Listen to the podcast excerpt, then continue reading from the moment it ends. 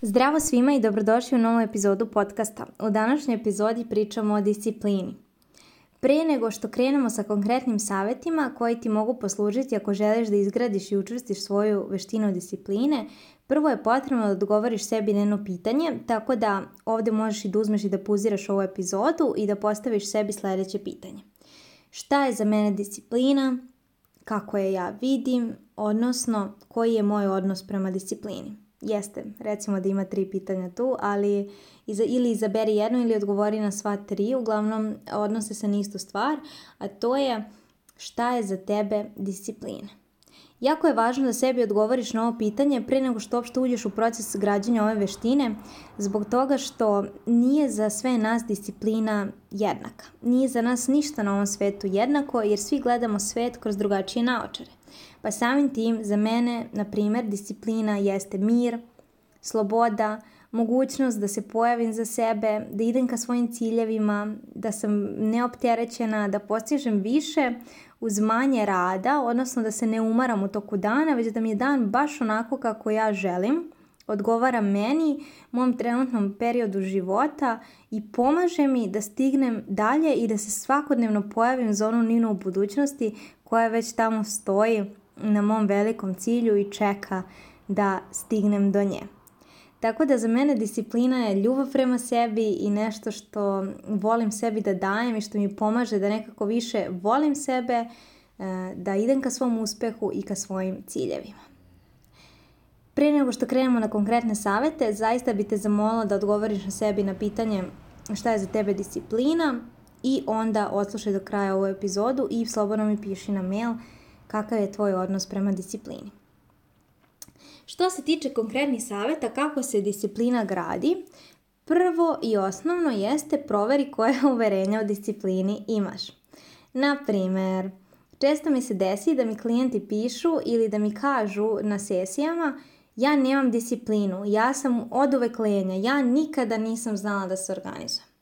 Kada to govoriš svom mozgu stalno, ti u to i veoma, veoma poveruješ. A mi smo ono u što verujemo, jer prvo moraš da imaš neko, neki doživlje sveta, da se javi neka misao, zatim da se ta misao prebaci u osjećaj i onda na osnovu tih osjećanja mi delamo, odnosno akcijamo. E sad, ako ti misliš da ti to ne možeš, da si lenja, da si neorganizovana, da nikad nisi imala disciplinu ili da nemaš disciplinu, kako to baš zvuči u tvom mozgu? Aha, nemam disciplinu, neorganizovana sam, lenja sam, baš sam nikakva.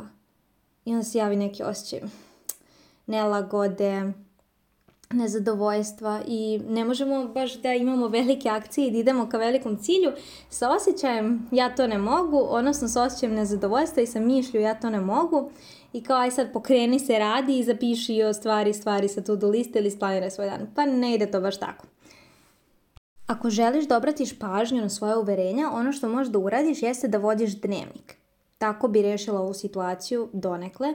Neka dubinska uverenja ja verujem da ne možemo da izvučemo iz sebe sami, da nam je za to potrebna pomoć terapeuta, jer su ta su uverenja formirala još kad smo imali dve, tri, četiri godine i to je jako duboko zakopano. Međutim, ova uverenja koja je onako iskačena na površini, ja nikada nisam bila organizovana, ja ne mogu da napravim plan, ja ne mogu sve da stignem, nemoguće je da to se sve uradi da bez stresa i tako dalje. E, obrati pažnju kako govoriš sebi i zaista uzmi svaki dan, odvoj 15 minuta svog vremena i zapiši na papir. Zapiši šta tebe tog dana sprečava da ti ideš ka svom cilju, odnosno e, vidi kako razgovaraš sama sa sobom. Jer ako ti sebi govoriš da nikada ne možeš, da ti uvek nešto smeta, da moraš ovo, ono, da pa zbog toga ne može se posvetiš svom cilju, da je nemoguće da postaneš toliko stvari u toku dana i da budeš odmorna, da niko to živ ne radi, da verovatno svi ljudi lažu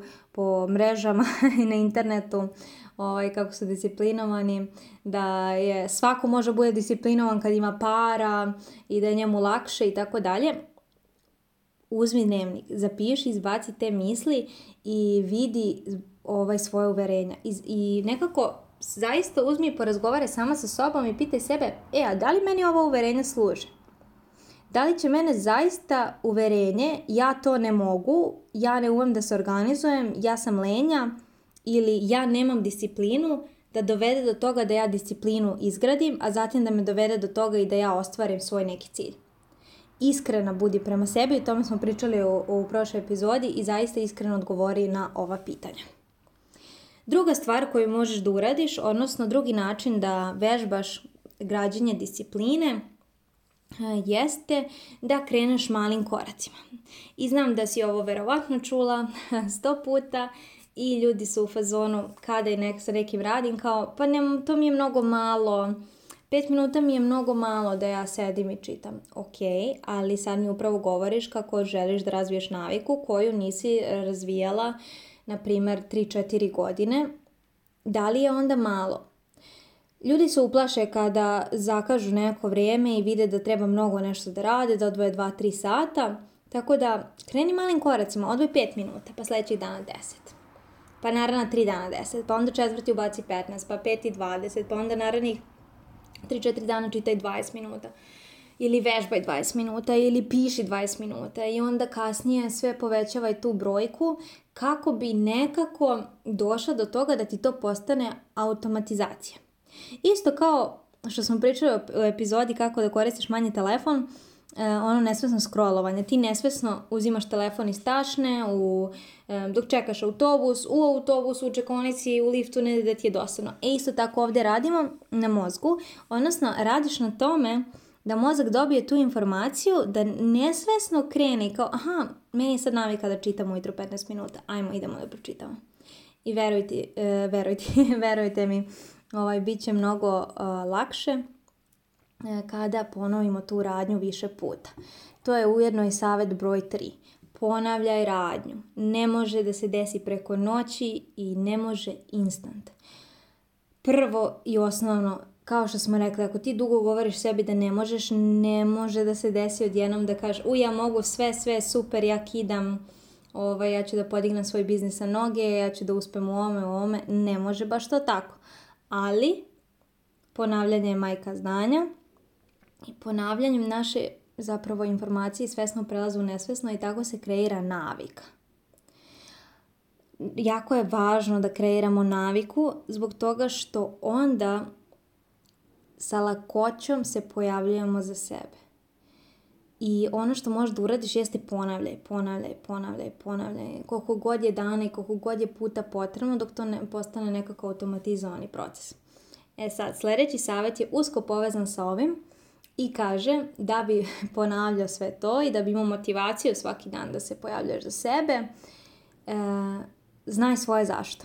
O tome sam pričala više puta i to je nešto što mene jako, jako nosi vodi u životu i zbog čega mi nije teško da sednem sada i kažem snimam četiri epizode podcasta za redom i kačim ih, a zatim pravim ovo, a zatim pravim ovo, a zatim ću da prostinem veš, a zatim ću da skuvam, a zatim ću da čitam i tako dalje.